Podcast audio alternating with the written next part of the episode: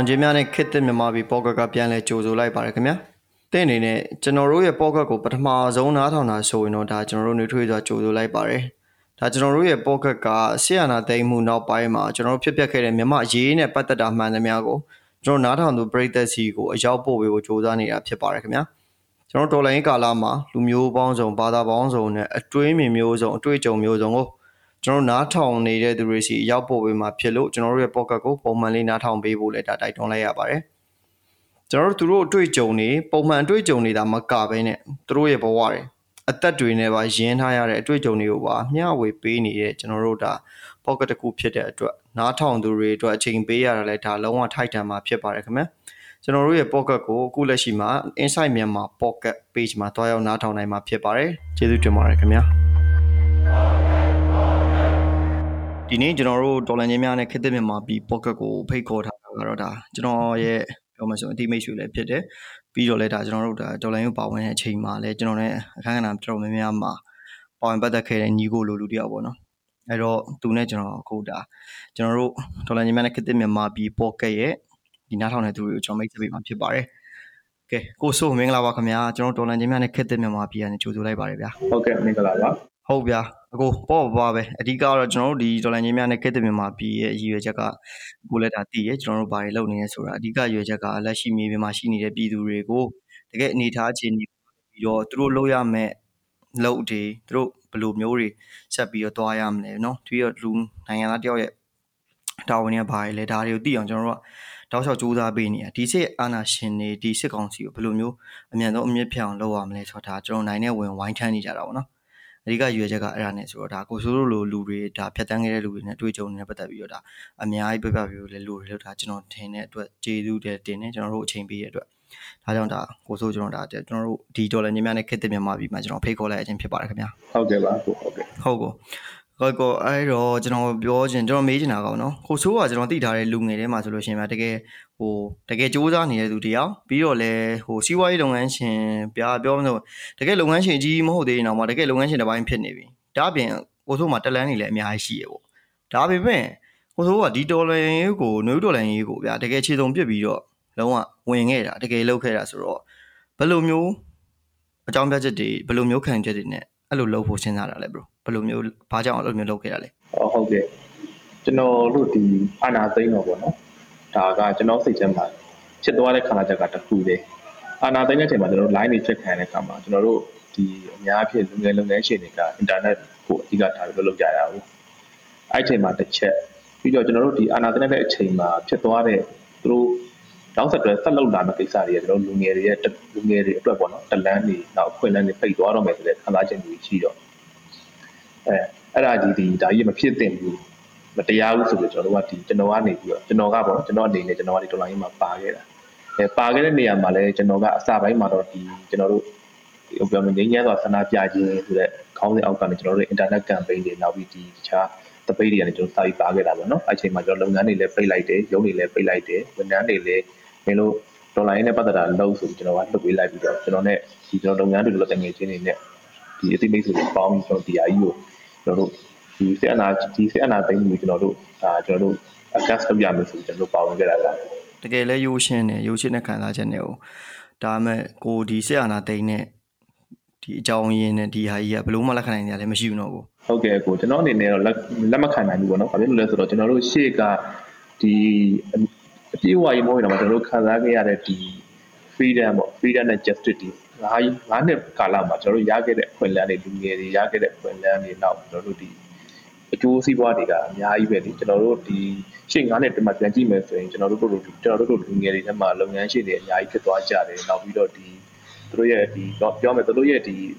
career ပေါ့နော်သူတို့ career မှာ develop ဖြစ်ပြီးတော့အများကြီးတိုးတက်သွားတဲ့လူငယ်တွေရှိတယ်ဒီခွင့်လန်းတွေရှိဖို့လူမျိုးအခြေအနေတွေရဖို့ဆိုတာကဒီကျွန်တော်တို့လူငယ်တွေအများပြပြည်သူတွေရဲ့ရပ်ပိုင်ခွင့်တွေကိုအပိတ်ပင်ထားဖို့ဖွင့်မေးဖို့နောက်ပြီးတော့ဒီတခြားကျွန်တော်တို့ ပြောမှဆိုတော့ကျွန်တော်တို့အရန်ကိုကျေပြောရတဲ့အရန်ကိုကျေပြန်တဲ့ environment တစ်ခုတည်ဆောက်ဖို့တည်ဆောက်ဖို့ပေါ့နော်ဒါတွေအစိုးရဖန်တီးပေးရမှာဆိုတော့ရှင်းငါးနှစ်မှာကျွန်တော်တို့အဲ့ဒါတွေရခဲ့တော့ကိုကအခုမှဒါလေးကိုအစပြီးခံစားရတော့ရှိသေးတယ်ကိုမှရှင်းငါးနှစ်ကရခဲ့တဲ့အင်အားတွေနဲ့ကျွန်တော်တို့မှာကနောက်နောက်နှစ်တင်မှာငါတို့ဘယ်လိုဆက်ပြီးလုပ်ကြမယ်နိုင်ငံတကာနဲ့ဘယ်လိုချိတ်ဆက်ကြမယ်ဒီလိုမျိုးလူငယ်တွေမှာကအိမ်မက်တွေပေါ့အများကြီးတွင်းနေရှိတယ်ပေါ့နော်အဲ့မှာချက်ချင်းဆိုသလိုကျွန်တော်တို့ဒီ9နှစ်လဲပုံတော့ဒီနောက် ထပ်တက်လာမယ်နောက်ထပ်ထပ်လာမယ်9နှစ်မှာဒီလိုအာဏာသိမ်းမှုဖြစ်တယ်ဆိုတော့လူငယ်တော်များကလက်မခံနိုင်ကြတော့ဘူးလေဒါပြောမယ်ဆိုရင်တော့အားလုံးခံစားလိုက်ရတဲ့ fee ကကျွန်တော်နဲ့တူမှာပါကျွန်တော်တို့ dream တွေကြောက်ဆုံးသွားတာကျွန်တော်တို့ရဲ့ dream တွေကျွန်တော်တို့လူငယ်တွေရဲ့အိမ်မက်တွေရိုက်ချိုးခံလိုက်ရတဲ့အနေအထားဖြစ်သွားတာပေါ့လေအဲမှာကျွန်တော်တို့ကဒါဒီတော်လန်ချင်းသာအဓိကဆိုပြီးကျွန်တော်တို့ကလူငယ်တော်များပေါင်းလာကြလို့ကျွန်တော်မြင်ပါတယ်အဲ့တော့ဒီစစ်ဆိုးရကိုတော်လန်တဲ့အချိန်မှာစစ်ဆိုးရလို့မတုံးတော့ပါဘူးဗျာဒီကောင်နဲ့ဆိုးရမှာမဟုတ်တာအဲ့တော့ ဒီစစ်အာဏာရှင်စစ်ကောင်စီအဖွဲ့ကိုကျွန်တော်တို့ဒေါ်လာတဲ့နေရာမှာအစာပိုင်းမှာကိုပြောသွားသလိုပဲဒါအကြမ်းမဖက်ညီနေတာဆန္ဒပြပါတော့ဒါပေမဲ့အခုချိန်ဆိုလို့ရှိရင်လည်းဒါပြည်သူတွေအကုန်လုံးတည်ရအကုန်လုံးလက်နက်ကင်ဒေါ်လာကြီးပဲဦးတည်နေတာပေါ့ဒါဆန္ဒပြနေတဲ့လူတွေတောက်လျှောက်ပြနေတော့တကယ်ကယ်သူတို့လက်နက်ကင်ဒေါ်လာကြီးကိုလည်းတကယ်အင်းနဲ့အားနဲ့ဖိပြီးတော့လုံနေရတဲ့အနေအထားလည်းဖြစ်နေပြီပေါ့နော်အဲ့တော့ကိုစိုးအနေနဲ့ကျွန်တော်တို့ဒီလက်နက်ကင်ဒေါ်လာရေးကဒီຫນွေဒေါ်လာရေးရဲ့အဖြေဖြစ်မယ်လို့ထင်တာဗျကျွန်တော်တယောက်တည်းကျွန်တော်ရဲ့တယောက်တည်းအမြင်ပါနော်ကျွန်တော်အမြင်သက်သက်ပါ လက်နက်ကင်ဒေါ်လာကြီးကလည်းဒေါ်လာကြီးထဲမှာတစ်ပိတ်တစ်ပိုင်းအနေနဲ့ဒါလိုအပ်မယ်လို့ကျွန်တော်ထင်တယ်။ဘာဖြစ်လို့လဲဆိုတော့ကျွန်တော်တို့ရင်ဆိုင်နေရတာကကျွန်တော်တို့အဓိကတော့ကျွန်တော်တို့ဟိုသုံးလုံးမဲ့စစ်ကောင်ပြီပေါ့ဗျာ။ဒီကောင်တွေကကျွန်တော်တို့ကိုစကတည်းကသူတို့ကျွန်တော်တို့ကိုဒီကျွန်တော်တို့ညဉ့်ညံ့စွာဆန္ဒပြမှုတွေစပြီးနှိမ်နေကြတဲ့ဒီကောင်နဲ့ကျွန်တော်တို့ကိုအကြမ်းဖက်နေတဲ့နှိမ်နေတာဗျာ။အဲကြောင့်ကျွန်တော်တို့ကသူတို့ဒါကိုကျွန်တော်တို့ကသွားပြီးတော့ဟိုကျွန်တော်တို့ကဒါကိုအစပိုင်းမှာပေါ့နော်ကျွန်တော်တို့သွားပြီးကျွန်တော်တို့ငြိမ်းချမ်းတဲ့ဆန္ဒပြခဲ့တယ်။ ကျွန်တော်တို့ငင်းငင်းကျဲနဲ့တောင်းဆိုကြတယ်အားလုံးကဒါတိုင်းပြည်လုံးဒီပါလှုပ်လှုပ်ရှားတာပေါ့လေအချိန်မှာဆိုလို့ကကျွန်တော်တို့အကြမ်းဖက်နေခြင်းနဲ့နောက်ဆုံးဗျာကျွန်တော်တို့ဒီတပိတ်တွေကိုဖြိုခွဲတာနေစပြီးတော့နောက်ဆုံးအိမ်တွေဝင်ရောက်စီးနေတာတွေအထိဒါကသူတို့ကကျွန်တော်တို့ကိုရှင်းပြလို့ရှိရင်ငင်းငင်းငင်းဆိုတာဆန္ဒပြတဲ့သူစက်တနာမဟုတ်ဘူးဗျာသူတို့ကကျွန်တော်တို့ရန်သူတယောက်လိုအဲသူတို့ကအကန့်စွတ်တဲ့သူပေါ့ဗျာလောကစတင်တဲ့သူတယောက်လိုသဘောထားပြီးသူတို့သူတို့ရဲ့ရန်ဘက်လိုသဘောထားပြီးစက်တနာဆိုတော့အဲ့ဒီအချိန်မှာကျွန်တော်တို့ကဒီငင်းငင်းဆိုတာဆန္ဒပြတဲ့ငင်းငင်းဆိုတာတော်ဟန်တဲ့ဒီကျွန်တော်တို့ကသုံးလို့က တိတ်အဆင်မပြေတော့ဓာကြီးကိုသုံးနေကျွန်တော်တို့မှာကပို့ပြီးတော့အနေရည်ဖြစ်နေအဲ့လိုမျိုးပေါ့သူတို့ကလည်းဒီစစ်အနာရှင်တော်များများကသူတို့ရဲ့ပထမဆုံးယူချက်ကဒီလေးကိုကြောက်စေချင်တာလို့ထင်ပါတယ်ကြောက်သွားမှသာလေသူလုပ်ချင်တာလုပ်နေအဲအဲ့လိုပဲလူတွေကြောက်ရတဲ့သူအဆက်ဆက်ကိုသူကထပ်ပြီးတော့နေရာတွေပြီးပြီးခတ်အပ်ပြီးထပ်ပြီးတော့ကြောက်ပြားနဲ့ထပ်ပြီးဖိနေတယ်ဆိုတော့လူတွေရဲ့အချိန်မှာတော်များကမကြောက်ချင်ကြတော့ဘူးအဲ့တော့ကျွန်တော်တို့ကဒီနောက်ဆုံးဒီကောင်းလေးကိုဒီစနစ်ကိုရရအနေနဲ့အဆုံးသတ်မယ်ဆိုတော့နောက်ဆုံးပြည်စီရတာကလက်လက်ပဲရှိကြတယ်အကယ်၍ ကျွန်တော်တို့ကလက်နက်မရှိပဲလက်ပလာဆိုလို့ရှိရင်တော့ဒါသူတို့ရဲ့တိုက်ခိုက်မှုအောင်မှာကျွန်တော်တို့ကဒေဆင်းပြီးုံပဲရှိမှာပေါ့ဒီကျွန်တော်တို့တက်မှာလက်နက်ရှိမယ်ဆိုတော့သူပြစ်ကိုပြစ်ဆင်းရတော့ဒါသူတို့ကိုကျွန်တော်တို့ကဒေါ်နာရေးမှာကျွန်တော်တို့ကိုထပ်ပြီးတော့ဟိုထပ်တိုးပြီးတော့ဘယ်လိုပြောပြရမလဲထပ်တိုးပြီးကျွန်တော်တို့နှိပ်စက်လို့မရအောင်တော့အထန်ဒါတစ်ခုအနေနဲ့ရှိမယ်လို့ကျွန်တော်ကဒါမြင်ပြီးကြပါကျွန်တော်ကြောက်လည်းအမြင်ပါအဲဒါကြောင့်လက်နက်ကင်ဒေါ်လာရေးရလဲဒေါ်လာရေးရဲ့သိတဲ့ဒေတာဖြစ်မယ်လို့ကျွန်တော်မြင်ပါတယ်ဟုတ်ကော ဒါဆိုလက်နက်ကင်ဒေါ်လာရေးကဒေါ်လာရေးရဲ့ဒစိမ့်ဒစိတာဆိုတော့ဒါအလုံးစုံရဲ့အဖြေတော့မဟုတ်ဘူးပေါ့နော်ဟုတ်တယ်ကိုလုံးစုံရဲ့အဖြေတော့မဟုတ်ပါဘူးဟုတ်ကိုဘယ်လိုမျိုးရာနဲ့ပတ်သက်ပြီးတော့အလုံးစုံရဲ့အဖြေလို့ထင်မလဲကျွန်တော်တို့ဒီနွေဒေါ်လာရေးနဲ့ပတ်သက်ပြီးတော့ဒါလည်းကျွန်တော်တရားရဲ့အမြင်နဲ့ပဲပြောအောင်ပါပေါ့။ဘာဖြစ်လဲဆိုတော့ကျွန်တော်သိတဲ့လောက်ပေါ့လေကျွန်တော်တွေးမိတဲ့လောက်တွေးမြင်တဲ့လောက်ပေါ့။အဲလိုကျွန်တော်အားလုံးကတော့စူပေါင်းပြီးသွားမှာဗျ။အလုံးစုံရဲ့အဖြေလို့ပြောမယ်ဆိုရင်တော့ကျွန်တော်တို့နံပါတ်1ကျွန်တော်တို့ဒေါ်လာရင်းအင်အားစုဒေါ်လာရင်းအင်အားစုလို့ပြောတဲ့အခါမှာကျွန်တော်လက်နက်ကင်ဒေါ်လာရင်းတဲ့အဖွဲ့အစည်းတွေရှိတယ်။လက်နက်မကင်မဲ့ကျွန်တော်တို့ဒီ အလူနည်းနဲ့ပေါ့လေပြောမှဆိုကျွန်တော်ဒီတခြားသောဒီကနေဒေါ်လာနေတဲ့အဖွဲ့အစည်းတွေလည်းရှိတယ်ပြီးတော့အဲဒီဒေါ်လာနေတဲ့အဖွဲ့အစည်းနဲ့ပတ်သက်ပြီးတော့ဒီဟိုဥပမာပြကျွန်တော်ဒီဆောက်ရှောက်ရေးကူညီရေးပိုင်းထောက်ပံ့ပိုင်းတွေလုပ်ပေးတဲ့အဖွဲ့အစည်းတွေရှိတယ်ဒီအဖွဲ့အစည်းတွေကအရင်ဆုံးစီးလုံးမှုလိုတယ်ကြကျွန်တော်တို့စီးလုံးသွားပြီကျွန်တော်တို့အဖွဲ့အစည်းတွေအားလုံးစီးလုံးသွားပြီကျွန်တော်တို့အာအဓိကအပြင်ကျွန်တော်တို့ရဲ့ဒီသွားမဲ့ပေါ့လေဘုံဘုံပြောလင်းချက်ပြောမယ်ဆိုတော့ဘုံရွေချက်ကိုကျွန်တော်သွားဖို့အတွက်ရွေချက်ချပြီးပြီဆိုရှင် ဒါကျွန်တော်တို့အနေနဲ့ကျွန်တော်တို့ကိုဒေါ်လာရင်းအင်အားစုကိုဒီစကားစာအနေနဲ့ထိုးခွက်လို့မရတော့ဘူးဆိုရင်သူကပြပြနဲ့ short ပေးလာတော့မှာ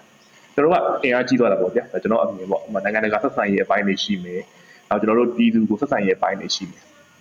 ဟိုကျွန်တော်တို့အနေနဲ့ကနိုင်ငံတကာကိုလည်းကျွန်တော်တို့ကဆက်ဆံရေးမပြတ်စည်းလို့မပြတ်စည်းမပြတ်စည်းမပြတ်စည်းအောင်ထိန်းသိမ်းရလို့ပြည်သူနဲ့လည်းဆက်ဆံရေးပြတ်စည်းလို့မရဘူး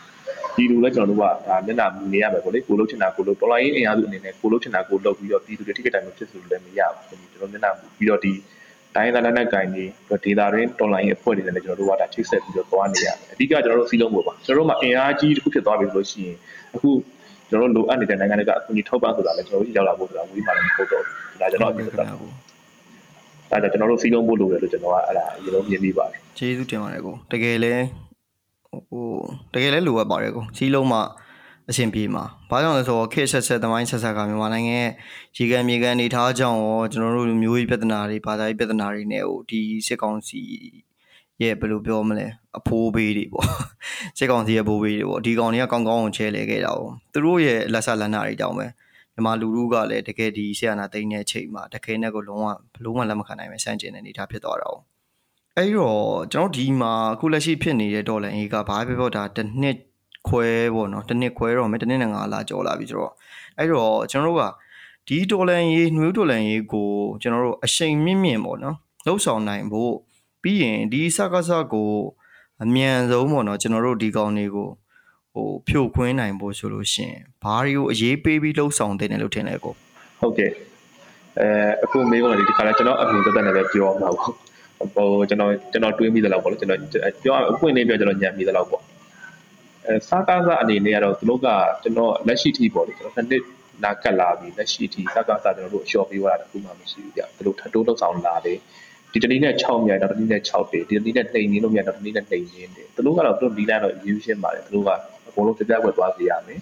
ဟိုဗျာတနင်္ဂနွေလုံးကြာကြသွားလုံးဝဟိုမြေဘယ်လိုပြောမလဲကြာကြသွားပြီးတော့ပြိုလဲသွားရင်တော့မှ သူတို့ဒေါ်လာနဲ့သူမရှိတော့ဘူးဆိုတော့သူတို့ပြန်တီးဆောက်မယ်သူတို့သူတို့ပြင်ခံမယ်သူတို့သူတို့အုပ်ချုပ်သူတို့စပြီးတော့ဒီနိုင်ငံကြီးကိုသူတို့ထူထောင်တယ်ဆိုတဲ့အမြင်ခံမယ်တမိုင်းမတန်အသက်ထိုးမယ်ပေါ့ဗျာဒါအကသာလည်းသွားမှာပဲသူတို့မှတခြားရွေးချယ်စရာလောက်ဆောင်စရာအနေနဲ့သူတို့မှကတစ်ဖက်မှာကကြာရှုံးနေပြီသားလေပြောမယ်ဆိုတော့ဟိုဘယ်လိုပြောရမလဲကျွန်တော်တို့ထပ်ပြီးဆုံးရှုံးစရာမရှိတဲ့လူတွေနောက်ဆုံးလမ်းကြောင်းပေါ့ဗျာအဲ့လိုဒါပေမဲ့ကျွန်တော်တို့တော်လိုင်းသမားတွေဘက်ကဘက်ကကြည့်မယ်ဆိုတော့အများကြီးညံ့နေတဲ့ဟာတွေတော့ရှိတာပေါ့ ဥပမာပြည်သူကိုငဲရတယ်တော်လိုင်းတစ်ထဲမှာလို့ပါဝင်နေတဲ့သူတွေရဲ့မိသားစုတခြားသောဆက်ဆက်ဆက်ဆက်ဆွေမျိုးတွေကိုငဲရတာမျိုးရှိတယ်နောက်ပြီးတော့ဘောလေဟိုအများကြီးပေါ့လေကျွန်တော်တို့မှငဲရတာတွေအများကြီးရှိပါတယ်အခုလုံးမယ်ဆိုကျွန်တော်တို့မှအများကြီးစဉ်းစားရတယ်ဖြစ်သွားခဲ့ပြီးရှိတော့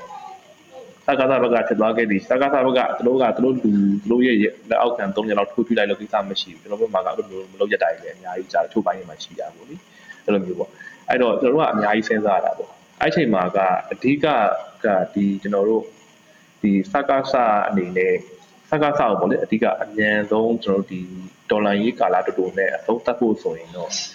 ကျွန်တော်တို့ကဒီတန်နီလန်ပေါ့ကျွန်တော်အမြင်တန်နီလန်ကကျွန်တော်တို့ဒီတစ်ဖက်ကနေပြီးတော့ကျွန်တော်တို့ကဒီနိုင်ငံအဲပြောမယ်နိုင်ငံကစည်ရင်းနဲ့စည်ရင်းနဲ့ကျွန်တော်က PRB တစ်ဖက်ကကျွန်တော်ကစကားစာကိုပခုံးရှင်နိုင်တဲ့ကျွန်တော်တို့ဥမာဥမာအကယ်အခုပေါ့လက်ရှိမှာတော့ကျွန်တော် NUG ပေါ့လေ NUG နဲ့ဒီ Federal တိုင်းသားတွေပါတဲ့အဖွဲ့အစည်းကြီး အစိုးရတရားဖွဲ့ပြီးတော့ NUG ကိုပခုံးရှင်နိုင်တဲ့အစိုးရတရားအနေနဲ့ကျွန်တော်တို့နေမြေတော်တော်နေမြေယူပြီးတော့ဟိုရင်မောင်တက်ထားဖို့လိုတယ်ပေါ့လေအခုလိုမျိုး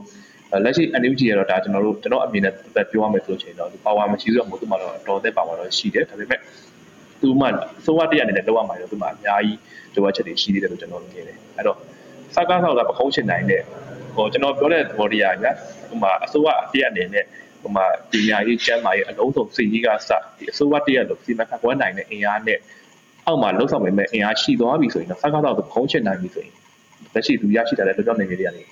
မြန်မာနိုင်ငံရဲ့ဟိုပြောမယ်ဆိုတော့စကားဆောက်ရဲ့စင်တိုင်းစိုးရတရားအနေနဲ့ဒီဘက်ကတစ်ဖက်ကျွန်တော်တို့ဘက်ကကြည့်မယ်ဆိုတော့ပြည်သူထောက်ခံတဲ့စိုးရတရားအနေနဲ့ဒါသူ့ကျွန်တော်တို့ရှင်ဖိုက်လို့ရတယ်အဲ့ဒါဆိုရင်တော့ဟိုနိုင်ငံတကာအနေနဲ့ကြည့်မယ်ဆိုလို့ရှိရင်ငါတို့ဘယ်ဆိုးဝါကိုတောင်းချင်းထပ်မလဲဒါမှမဟုတ်လို့ရှိရင်ဘယ်စုဘယ်သူဘယ်သူကိုငါတို့ ဘယ်သူကိုဥပမာပြည်သူမျက်နှာမူပြီးတော့ကျွန်တော်ဒီအစိုးရကိုထောက်ပံ့မလားဒါတို့မှနိုင်ငံတကာပြည်သားရုပ်ချက်ရှိသွားပြီအခုကြတော့ဒါလက်ရှိကျွန်တော်တို့အစိုးရအန်ယူဂျီနေနဲ့ကျွန်တော်တို့ဒါကျွန်တော်တို့အစိုးရပဲဆိုပါလို့အန်ယူဂျီနေနဲ့ကျတော့ချို့လိုအပ်ချက်လေးတွေရှိသေးတဲ့အတွက်အဲ့ဒီလိုအပ်ချက်လေးတော့သူမြန်စတန်ခေါင်းနဲ့ပေါ်ဖို့ပေါ့လေတော့ရင်တော့ကျွန်တော်အနေနဲ့လုပ်တဲ့နေလို့တော့ထင်တယ်ဒါကျွန်တော်အကြံကျွန်တော်အသက်သက်နဲ့အကြံပေးတာပါသူ့မှာကဟိုဒီဒေါ်လာရေးကိုဒေါ်လာရေးကြာတာနဲ့အမျှကျွန်တော်တို့ဘက်ကဟို ဒါကျွန်တော်အမြင်ပေါ့နော်ကျွန်တော်အမြင်ပါအကုန်လုံးကျွန်တော်အမြင်ပါပဲဒေါ်လာရေးကြာတာနဲ့အမျှကျွန်တော်တို့မှာကပို့ပြီးတော့အားနေလာဖို့ပဲရှိတယ်စကားစကားတော့သူကသူ့အတိုင်းသူသွားမှာပဲသူကသူယူသူယူလိုက်တာတခုကသူ့နေရာနဲ့သူ့ရဲ့ဒီသူ့အချုပ်ရဖို့ပဲလေကျွန်တော်ဘက်မှာကျတော့ယူဆိုင်ရမှာတွေကအများကြီးရှိတယ်ဆိုတော့အဲ့တော့ entity အနေနဲ့ဒီဟာလိုအပ်ချက်တွေကိုအချိန်တူတူအတွင်းမှာအများဆုံးပြင်ဆင်ပြီးတော့စကားတော့ပခုံးချင်နိုင်တဲ့အစိုးရတက်အနေနဲ့မြန်မာနိုင်ငံမှာစစ်တိုင်းထိုင်လိုက်မယ်ဆိုလို့ရှိရင်တော့ဒါဒီဒေါ်လာရဲ့အဖြေကအများကြီးကျွန်တော်တို့ဒီအကောင့်ဘက်ကိုတက်သွားမှလို့ကျွန်တော် ဟုတ်ကဲ့ကို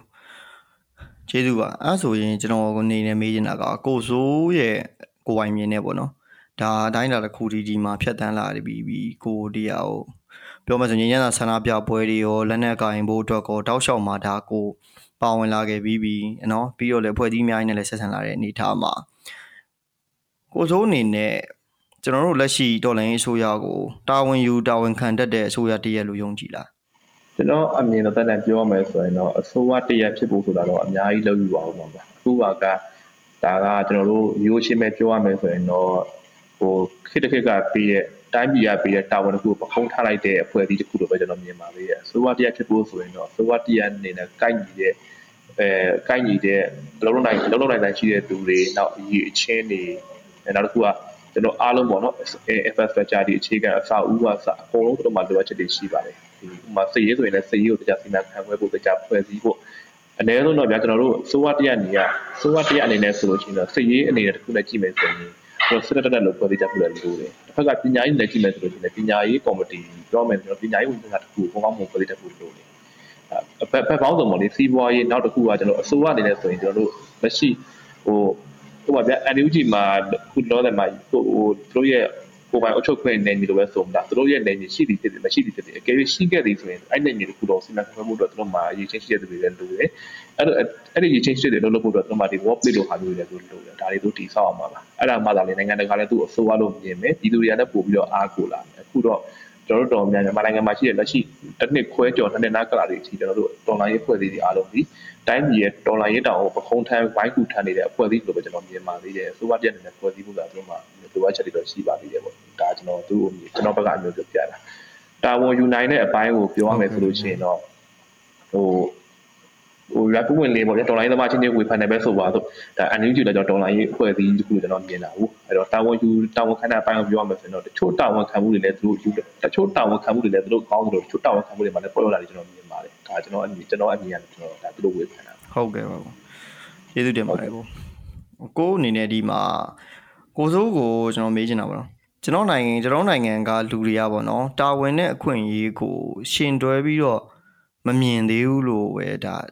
ယူဆသေးရပါတော့ဒါမဲ့ဒီຫນွေဦးတော်လန်ရေးမှာတော့သူတို့နိုင်တဲ့ဝင်ကိုဝိုင်းထမ်းကြတယ်နိုင်တဲ့ဘက်ကနေပြီးတော့ပူပေါင်းပါဝင်ကြတာကိုတွေ့ရတာပေါ့အဲ့တော့တကယ်လူတွေအထူးသဖြင့်မြန်မာနိုင်ငံမှာရှိတဲ့လူအားလုံးကြီးပါပေါ့နော်သူတို့ရဲ့နိုင်ငံသားဆိုင်ရာတာဝန်နဲ့အခွင့်အရေးကိုရှင်တွဲမြင်လာနိုင်အောင်ပေါ့ဘယ်လိုမျိုးတွေကျွန်တော်တို့ကအကောင်းဆုံးဖန်တီးပေးရမလဲပေါ့ဘာဖြစ်လို့ဆိုတော့လက်ရှိမှာကျွန်တော်တို့မြန်မာနိုင်ငံမှာလည်းဒုက္ခပေါင်း1600ရောက်နေရဆိုတော့ဒါဘာပဲပြောပြော ဟိုတွေးမှာပေါ့လေသူတို့ကဟာငါတို့လည်းဘာမှလုပ်တာမဟုတ်ပဲねငါတို့မြန်မာငွေဈေးကဟိုးအောက်ဆုံးထိထိုးကြနေတယ်ပေါ့ဥပမာငါတို့လည်းဘာမှမလုပ်ဘဲねငါတို့ကိုဒူနိုင်ငံတော်တော်များများကလက်မခံတော့ဘူးဒီဒီဒါမျိုးတွေပေါ့အဲ့တော့သူတို့ရဲ့တာဝန်နဲ့နိုင်ငံသားတွေရဲ့တာဝန်နဲ့အခွင့်အရေးကိုလူတွေဟိုရှင်တွဲပြီးတော့မြင်တော့ဘယ်လိုမျိုးတွေအကောင်းဆုံးလှုပ်ဆောင်အောင်ပါလဲဗျလက်ရှိမှာပေါ့နော်ဟုတ်ကဲ့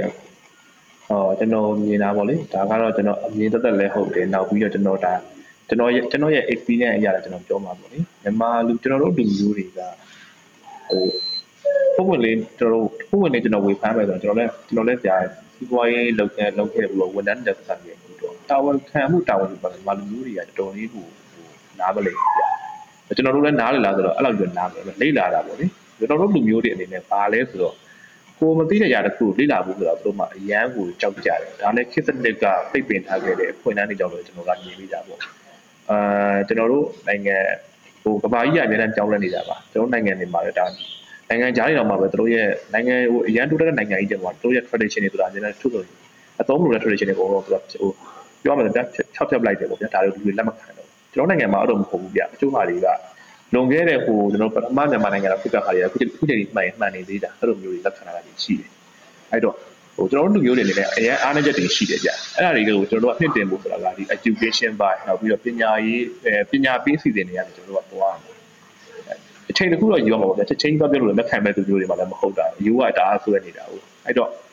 ကျွန်တော်တို့ရှိမှာခုနက brother ပြောရတဲ့တာဝန်နဲ့အခွင့်အရေးပေါ့ကျွန်တော်ဒီမှာကကျတော့တာဝန်နဲ့အခွင့်အရေးလို့တော့မမြင်ဘူးဗျနေရာနဲ့အခွင့်အရေးလို့မြင်တာဟိုကျွန်တော်ကျွန်တော်သိတဲ့လောက်ပေါ့နော်ဒီနေရာကိုရလို့ရှိရင်ဒီအခွင့်အရေးတွေတို့ရမယ်ဒီအခွင့်အရေးတွေတို့သုံးရမယ် ဒါမျိုးတို့တော့ပြင်တာအမှန်ကတာဝန်လို့တို့ပြင်တာမျိုးကတော်လေးကိုရှားပါတာဝန်လို့မြင်သွားတဲ့သူတွေကလည်းတော်တော်များများတော့နောက်ပိုင်းမှာတော့ကျွန်တော်နိုင်ငံမှာဟို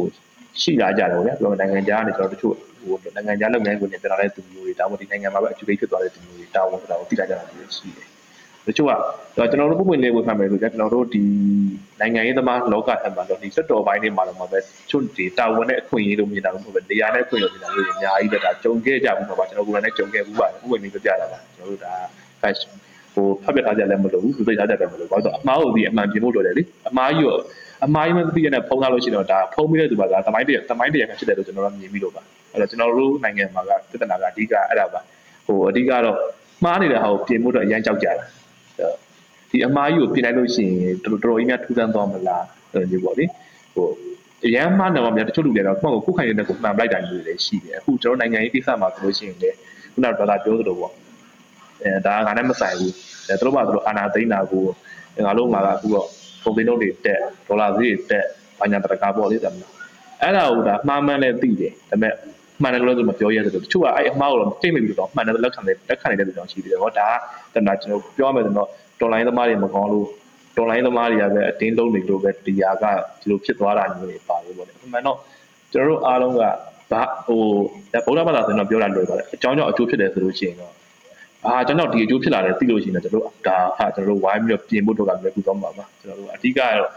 ရင်းနှီးကြောက်တာပေါ့ဗျာရင်းနှီးကြောက်တဲ့အပြင်ကိုအဓိကအကြောက်တရားပို့ပြီးတော့ဖုံးလွှမ်းတာ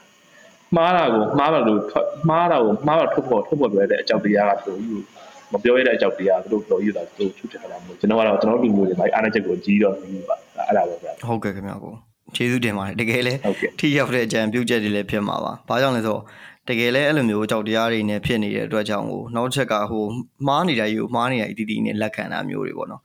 အဲ့ဟာတွေကဒုက္ခရောက်စားပေါ့နိုင်ငံကိုပို့ပြီးတော့ဘာလို့ဆိုတော့ တကယ်ဒီဒေါ်လာရင်းဆိုတာတခုလုံးကနိုင်ငံနဲ့ချီတဲ့ဟာပေါ့ကျွန်တော်တို့အရင်တော့မသိခဲ့တာတွေအများကြီးသိလာပြီမကြုံဘူးတာအများကြီးကြုံဘူးလာနောက်ပိုင်းမှာဆိုရှင်အချို့ဆိုလို့ရှင်ကျွန်တော်မေးဘူးတယ်ပေါ့နော်တက္ကသိုလ်ကျောင်းသားတွေဆိုဘာလို့ဆိုတော့သူတို့ဆိုပြောတယ်ဟာဒီဒေါ်လာရင်းကြီးတာပြီးသွားခဲ့ရင်ကျွန်တော်တို့ဒါတက္ကသိုလ်ကပညာရေးပြတန်းဝင်နေရောဘာတွေရောအကုန်လုံးပြောင်းလဲရမယ်ပြီးွားရင်ကျွန်တော်တို့ကဥမာ မွန်ပြည်နယ်မှာရှိတဲ့တက္ကသိုလ်ကလည်းရန်ကုန်လာပြီးတော့ကျွန်တော်တို့ဒါ fee center မျိုးပဲဖြစ်ဖြစ်ကျွန်တော်တို့ဒီလိုမျိုး vacation ပုံစံမျိုးပဲဖြစ်ဖြစ်ဒါတွေထည့်စီစဉ်ဖို့ကျွန်တော်တို့ဒါလုံးဝတိုက်တွန်းရမှာအနည်းဆုံး semester တစ်ခုကိုပဲနှစ်ခေါက်လောက်ဖြစ်ဖြစ်ဒါလာခိုင်းရမှာဒါမှနားလဲမှာထိုနည်းတူသွားပဲရန်ကုန်မန္တလေးကလည်းနယ်ဘက်တွေကိုဒီလိုပဲပြည်နယ်ဘက်တွေကိုလေလေ့လာရမယ်ပေါ့နော်ဒါမှတကယ် Federal ပြည်ထောင်စုဒါမှတကယ်ပြည်ထောင်စုဆိုတဲ့စကားလုံးကိုတကယ်အထိပ္ပယ်ပေါ်ဆောင်ရောက်မှာပေါ့နော် ဒါမျိုးတွေထီကိုသူတို့ပြောင်းလဲသွားတဲ့အမြင်တွေအရင်တော့ဆိုရင်သူတို့ကတိုင်းရင်းသားလို့မြင်တာ哦တကယ်ကိုလူမျိုးဒါကိုရဲ့နိုင်ငံသားရဲ့လို့မြင်တာမဟုတ်ဘူးပေါ့အမြင်တွေလည်းအများကြီးပြောင်းလဲသွားတာရှိတာ哦ဟုတ်ကဲ့အဲ့တော့ကိုစိုးကျွန်တော်မေးချင်တဲ့နောက်မေးခွန်းတစ်ခုကဒါကျွန်တော်တို့ဗျာဟိုကျောင်းသားဖွဲ့စည်းတွေရောဒီလူမှုရေးရော brighter ဖွဲ့စည်းရောဘာတွေရောပြီးရင်ကျွန်တော်တို့အလုပ်သမားတွေနဲ့ပတ်သက်ပြီးတော့ဟိုအလုပ်ကိုင်းနဲ့ပတ်သက်ပြီးတော့အဖွဲ့အစည်းတွေဒါအဖွဲ့အစည်းမျိုးစုံပေါ့ အခုဒေါ်လာရင်းကာလာမှာဆိုရင်လည်းဗျာကျွန်တော်တို့ဆိုလည်းဒါလွတ်တော်မတ်တီရောဖြစ်ဖြစ်ဘာဖြစ်ခြားအဖွဲ့အစည်းတွေအစိုးရအဖွဲ့အစည်းတွေပြီးတော့ကျွန်တော်တိုင်းသားတွေမှာတိုင်းသားကျွန်တော်ဒီပြည်နယ်တွေမှာနေခဲ့တော့ကလည်းတိုင်းသားအဖွဲ့အစည်းတွေဒီလိုမျိုးဆက်ဆံခဲ့ရတာအဲ့တော့လက်ရှိကျွန်တော်တို့ Federal Democracy ကိုပေါ်ဆောင်ဖို့တွားနေတဲ့တကယ်အခုလက်ရှိအဖွဲ့အစည်းတွေမှာပေါ့ဥပမာ NUG တို့တိုင်းသားအဖွဲ့အစည်းတွေမှာသူတို့ချမှတ်တဲ့ဆုံးဖြတ်ချက်တွေနဲ့သူတို့သွားနေတဲ့စီမင်းစည်းကမ်းတွေအောင်တကယ် democracy federal democracy တရေမှန်မှန်နဲ့သွားနေလို့ထင်လား ကျွန်တော်တို့ဒီတစ်နှစ်တစ်နှစ်ခွဲလောက်ပေါ့နော်အခုဒေါ်လာကြီးကတစ်နှစ်ကျော်နှစ်ခွဲကျော်လာပြီနည်းနည်းကတ်လာပြီဆိုတဲ့အချိန်မှာဒီကျွန်တော်တို့ကျွန်တော်နေခဲ့မှုတဲ့နေရာတွေနဲ့ကျွန်တော်ဆက်ဆံခဲ့ပြီးဒီအပိုင်းတွေပေါ့လေအဲ့မှာရှိတဲ့လူတွေကတော့အခုထိကျွန်တော်က Federal Democracy ဆိုတာကိုကျွန်တော်ဒါကျွန်တော်အမြင်သက်သက်ဝေဖန်ပါတယ်ကျွန်တော်ကအခုထိ Federal Democracy ဆိုတာကိုကျွန်တော်ကဟိုဘယ်လိုပြရမလဲကျွန်တော်တို့ဟိုကလေးတွေအယုတ်ဆက်လိုမျိုးစတတ်တီဆောက်နေသေးတဲ့ကြသူတို့တေးချာကကနာ အမှန်ကန်အမှန်ကန်ဆိုတာတဲ့ဆုံးဖြတ်ချက်ပြတာလောက်တာတော့မဟုတ်သေးဘူးဟိုဟာလေးစတတ်ကြည့်လိုက်မိုက်တယ်ဆိုလိုက်ဒီဟာလေးစတတ်ကြည့်လိုက်မိုက်တယ်ဆိုလိုက်သူတို့သွားနေတုံးပဲအဲ့တော့အဲ့ result ထွက်ဖို့ကအဲ့ result အဲ့အဲ့ result ထွက်ဖို့ကဒီတစ်ခုလုံးရုပ်လုံးတစ်ခုလုံးပေါ့နော်ရုပ်လုံးပေါ်လာဖို့အတွက်ကကြာမာလားအမှန်ညံမာလားဆိုတာသူတို့ပုံမှုဒီပါညံရင်တော့တော်လိုင်းကြီးညံနဲ့ပြီးတယ်ညံနဲ့ကျွန်တော် federal ဆောက်လို့ရတယ်ကြာရင်လည်းကျွန်တော်တော်လိုင်းကြီးကြာသွားမယ်ကြာသွားရင်တော့အပြည့်အစည်ဆုံးဖြတ်မှုတွေကတော့ညံ့ညားတော့မှာပေါ့ကျွန်တော်ကတော့အဲ့လိုမြင်ပါတယ်အခုထိသူတို့မှာက ဟိုအားလုံးတညီတညာနဲ့ငါတို့တော့ဒီလန်းဒီလန်းကိုဒီလိုမျိုးချမှတ်ပြီးတော့ဒီလိုပုံစံနဲ့ရှောက်မယ်လို့ပြအဓိကကျွန်တော်တို့စီးပွားရေးလုပ်ငန်းမှာတုံးတဲ့ mission vision ပါဖို့ goal ဆိုတဲ့ဒီအချက်လေးချက်နဲ့တော့သူချလိုက်ပြီဆိုလို့ရှိရင်တော့ online ခရီးရမပေါက်ကြမပေါက်စရာအကြောင်းမရှိတော့ federal ဆိုတာကျွန်တော်တို့တိတ်မဝေးတော့ဘူးအနာဂတ်မှာရှိတာပေါ့ကျွန်တော်တို့မြင်ပါတယ်ဟုတ်ကဲ့ခင်ဗျာကိုကျေးဇူးတင်ပါတယ်တကယ်လေအခုမေကွန်းဒီလိုမျိုးဖြစ်ပြတော့လေကျေးဇူးလည်းတင်တယ်အားလည်းရပါတယ်အဲ့တော့ကျွန်တော်တို့နိုင်သွားရင်မြန်မာနိုင်ငံကအရင်အထက်ပို့ပြီးတော့စီးလုံးရမလား သို့မဟုတ်ကျွန်တော်တို့ပြအမှအခုဆိုရှင်လဲဒါကရင်ဆိုလဲဒါကျွန်တော်တို့ကော်တူလီအာမီစာရှိတဲ့ဖြစ်ပေါ့ကချင်ဆိုလဲဒါ KIA ရှိနေတာ哦အဲ့တော့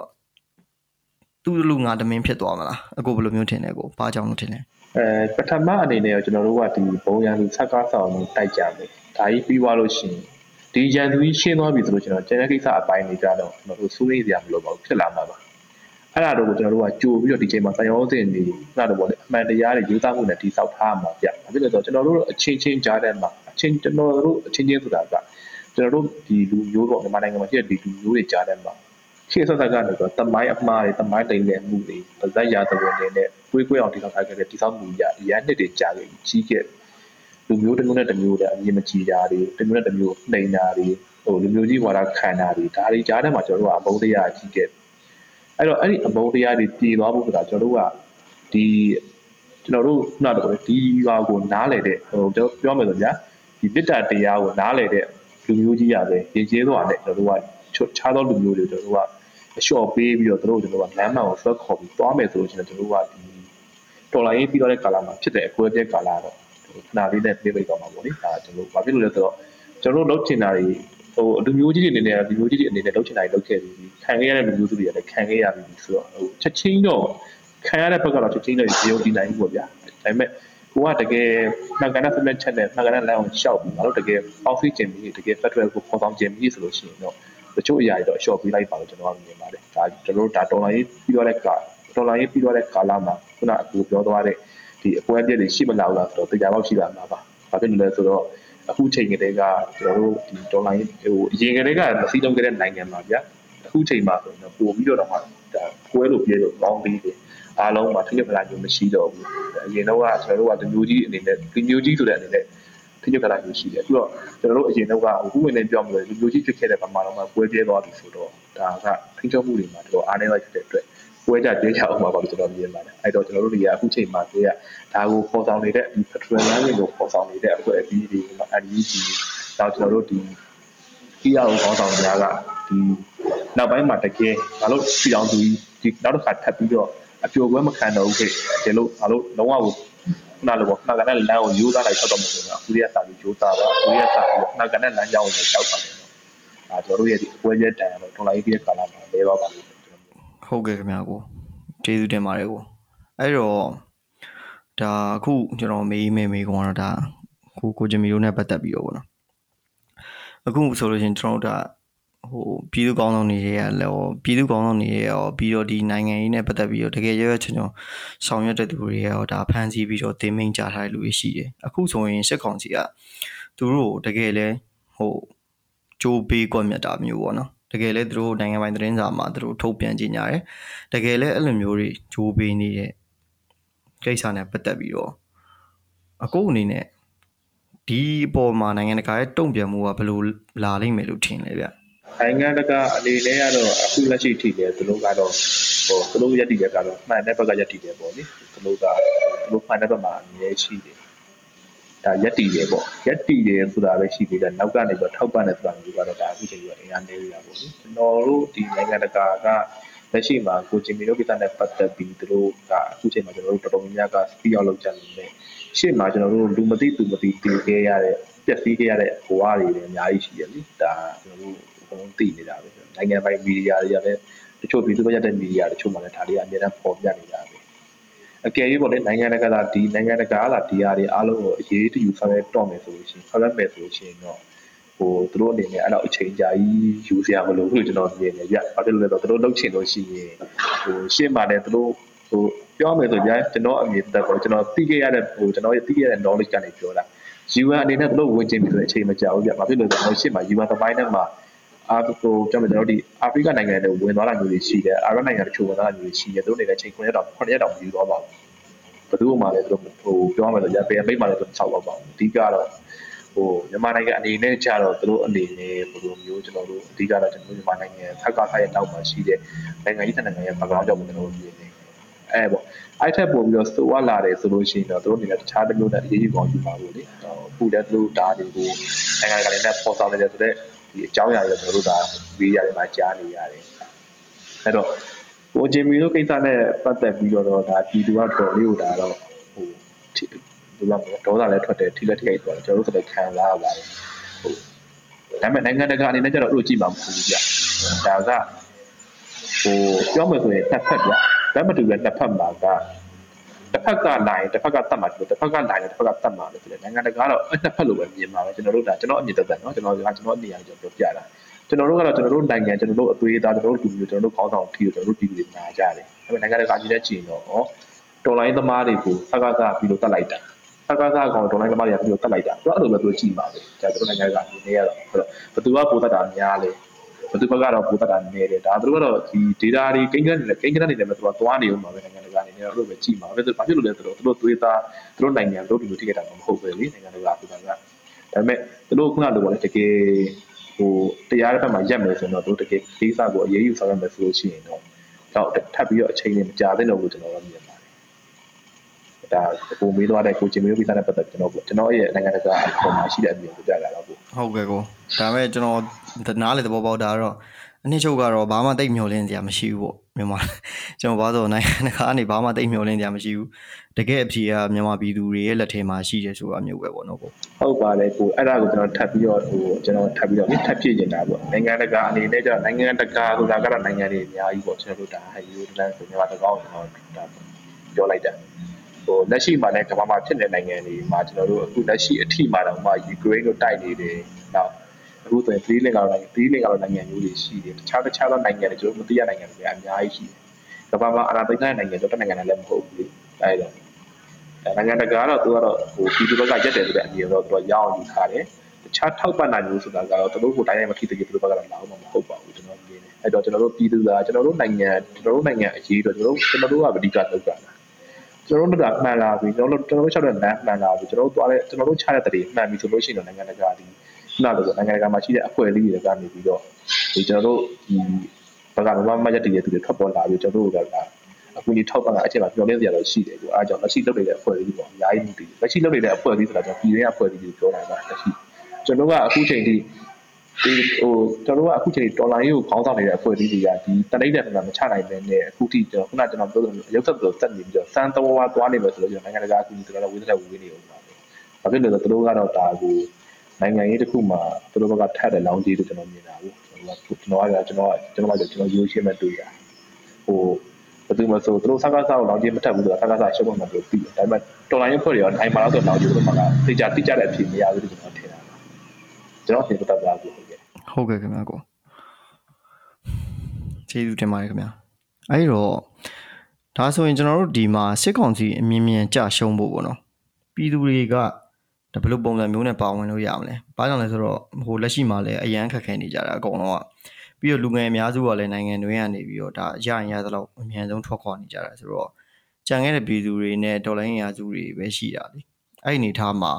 အခုလက်ရှိမြန်မာပြည်တွင်းကပြည်သူတွေအနေနဲ့ဒီစစ်ကောင်စီကြာမြန်မြန်ကြာရှုံးဖို့ဘယ်လိုနည်းနဲ့ပါဝင်နိုင်မလို့ကိုထင်လဲ။ဟုတ်ကဲ့ဟိုပထမတစ်ခုအနေနဲ့ကတော့ ကျွန်တော်တို့ဒေါ်လာရေးမှာဟိုပထမဆုံးလက်နက်ကင်ပြီးတော့တိုက်နေတဲ့အဖွဲ့အစည်းတွေရှိတယ်ဒီကျွန်တော်တို့ဒီ ERO ရဲ့အောက်မှာမရှိတယ်အဲကျွန်တော်တို့ဒီလက်နောက်နေကြီးတွေရဲ့အဖွဲ့ရဲ့လက်နောက်နေကြီးတွေထဲမှာလည်းရှိတယ်လက်နက်ကတိုက်နေတဲ့သူကလူအဖွဲ့ပေါ့လေအဲဒီလက်နက်ကတိုက်နေတဲ့သူရဲ့အဖွဲ့နဲ့မှာကျွန်တော်ထပ်ပြီးပေါင်းလုပ်တာကကျွန်တော်တို့ဒီ UG အဖွဲ့တွေအများကြီးရှိတာပေါ့လေဒါကတော့ဒေါ်လာရင်းမှာတိုက်ရိုက်ပါဝင်နေတဲ့အဖွဲ့အစည်းပေါ့လေ နောက်တစ်ခုကကျွန်တော်ဒီဒေါ်လာရင်းကိုထောက်ပံ့နေတဲ့အဖွဲ့အစည်းပေါ့ဒေါ်လာရင်းကိုထောက်ပံ့နေတဲ့အဖွဲ့အစည်းဆိုတာကနိုင်ငံတကာမှာရောက်နေတဲ့မာလူမျိုးတွေကျွန်တော်နိုင်ငံလူမျိုးတွေရှိနေပြည်တွင်းကနေပြီးထောက်ပံ့နေတဲ့ကျွန်တော်တို့ကျွန်တော်တို့ဒီကျွန်တော်နိုင်ငံကျောပြည်သူတွေရှိကြပါဘူးအခုလက်ရှိကြတော့ကျွန်တော်ဘာဖြစ်သွားလဲဆိုတော့မြန်မာနိုင်ငံရဲ့အခြေအနေကလုံးဝကိုဒါ face state ကိုဦးတည်သွားတယ် face state ဖြစ်နေပြီပေါ့လေဒါကတော့ဟိုအိန္ဒိယနိုင်ငံတွေကတော့ face state ဖြစ်ပြီလို့ပြောတာဟိုကိုနေကပဲစင်ကာပူကပြောသွားလိုက်တာပေါ့အဲ့တော့ကျွန်တော်တို့ကအဲ့တော့လူငယ်တွေကသူတို့ရဲ့ခုနကပြောလေဟို ခွင့်အလန်းတွေအတွက်သူတို့ရဲ့ brand တွေအတွက်နိုင်ငံတကာနိုင်ငံခြားကိုထွက်ကြတယ်တော်များကဒါဒေါ်လာရင်းတိုင်းဝိုင်းထဲမှာပြောကြတာရှိတယ်ပေါ့ကျွန်တော်ကတော့အဲ့လိုမမြင်ဘူးဗျအဖြစ်လို့လဲဆိုတော့တော်လိုင်းရေးမှာလက်နက်ကင်ဒီပါဝင်နေတဲ့သူမဟုတ်လို့ရှိရင်တခြားတော်လိုင်းတခြားကြံခဲ့တဲ့ပြည်သူတွေတော့ဒါကျွန်တော်တို့ကစကားစားကိုမထောက်ခံဘူးမထောက်ခံဘူးဆိုတာဟိုဒီအကျယ်ကြီးစပြတော့နေပြမလို့ဗျာဒါကခုမှကိုလုံးဝကိုခိုင်တဲ့ကိုမထောက်ခံလို့ရတယ်ဗျသူတို့ပစီကျွန်တော်မသုံးဘူးဗျာသူတို့ရဲ့ဟိုသူတို့ပေးတဲ့အမိတ်တွေကျွန်တော်တတ်မခံဘူးဗျာတက်မှာ လို့ကျွန်တော်ပြည်သူဆိုတာကခွနေတယ်လို့ရှိရင်နေလို့ရန်ကောက်ပါလေခွနေလို့ဆိုတာကတော့တစ်ဖက်ကတော့ထောက်ခံအောင်တစ်ဖက်ကတော့ခွနေပေါ့အဓိကဟိုတစ်ဖက်ကအရင်အကန့်ဆိုလို့ရှိရင်ကိုကတော်လိုင်းရေးကိုထောက်ခံပြီးတော့အကားတော့အထုတ်တဲ့နေပြောင်းထဲမှာနေလို့ရှိရင်ကိုယ့်တော့ကအသက်အန္တရာယ်ရှိတော့မယ်လीအဲ့တော့နေတတ်ဖို့ကတော့အရင်ကြီးတာပေါ့အဲ့မှာခုနနိုင်ငံခြားထွက်သွားတဲ့ပြည်သူတွေကျွန်တော်လူငယ်တွေပေါ့လीအဲ့နိုင်ငံခြားထွက်သွားတဲ့လူငယ်တွေရဲ့သုံးပုံနှစ်ပုံလောက်ကိုကျွန်တော်ကဒါကျွန်တော်တကယ်ချင်းနေပါလာကျွန်တော်ဒီကသုံးတဲ့စကားပြောဖြစ်တော့သူတို့ကအဓိကသူထွက်ချင်တဲ့ကြိုးချက်ကရှင်းနေကြသူတို့က နိုင်ငံသားတွေပတ်သက်ရှာကြတာဘာဖြစ်လဲဆိုတော့သူတို့တွေကိုသူတို့တွေကတော့လာရင်းမှာတနက်ကန်တိုက်တိုက်နိုင်ကြသူတို့ရဲ့ဒါသူတို့ရဲ့အားနည်းချက်ကြောင့်လည်းဖြစ်မယ်သူတို့ရဲ့စိတ်ကြောင့်လည်းဖြစ်ဒါပေမဲ့သူတို့ပတ်သက်ရှာနိုင်လို့ရှိတော့ဒီပတ်သက်ဒေါ်လာရုပ်စီးစဉ်ကိုရတယ်သူနိုင်ငံတကာမှာအဖွဲ့အစည်းနဲ့ချိတ်ဆက်ပြီးသူပို့ပြီးတော့ကူညီရတယ်ပြည်တွင်းမှာထိုင်နေပြီးတော့ဝင်ငွေလည်းမရှိပဲအလုံးမရှိကြပြီးထိုင်နေပြီးတော့ ဟိုပြောမယ်ကြာကိုယ်နိုင်ငံကြီးကိုဖြစ်တဲ့မြောက်ထိုင်တဲ့နေမလို့နော်နိုင်ငံထွက်ပတ်သက်ရှာပြီးထောက်ပံ့လိုက်တော့ပိုကောင်းမလားဆိုတဲ့အတူနဲ့ထွက်ကြတဲ့လူကသူ့ဘုံနှစ်ပုံလောက်ရှိတယ်တပုံလောက်ကတော့ဒါကတော့ကြောရောက်ကြောင်းလည်းပါလို့ဖြစ်မှာပေါ့လေကျွန်တော်တပုံလောက်ကတော့ခင်းနေမှာကျွန်တော်သိမရှိပါဘူးကျွန်တော်ထွက်သွားရတဲ့ချင်းတွေကိုကျွန်တော်ဒါကျွန်တော်နဲ့ငါကြည့်ပြီးတော့တင်နေလေးကျွန်တော်ပြရတဲ့အချက်လက်ပေါ့လေ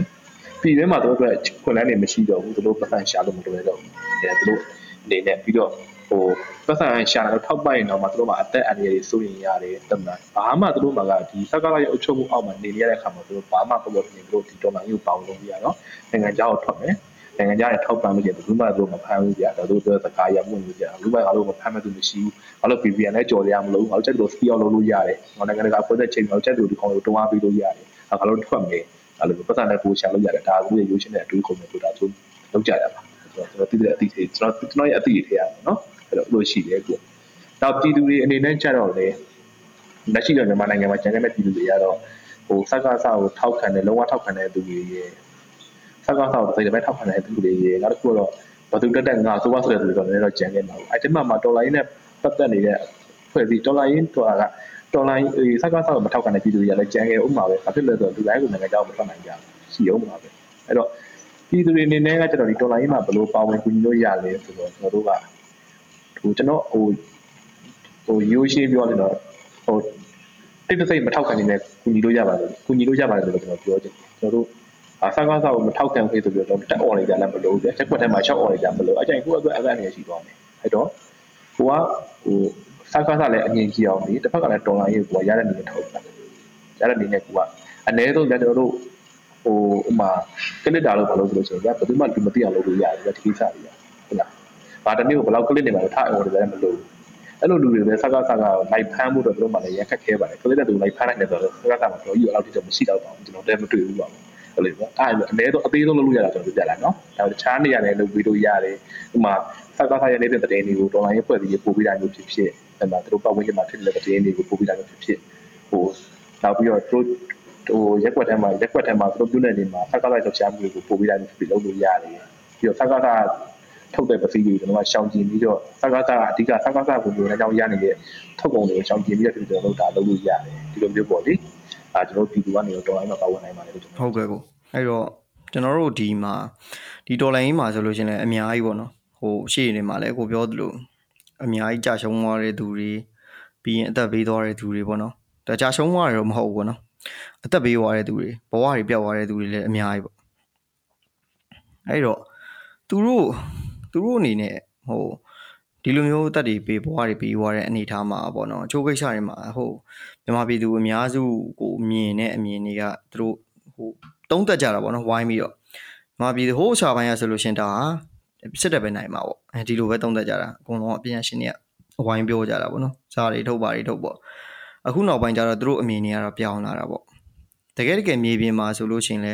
ကျွန်တော်တို့အရေးကြီးဆုံးဆိုတဲ့လိုအပ်ချက်ဒီစီးလုံးချင်းစီးလုံးချင်းဆိုတော့ ဟိုတိဆောက်တဲ့နေရာမှာဗျာကျွန်တော်တို့နိုင်ငံတော်ဆိုတဲ့စကားလုံးကစပြီးတော့ဖောင်းနေတာဥပမာကျွန်တော်ပြည်ထောင်စု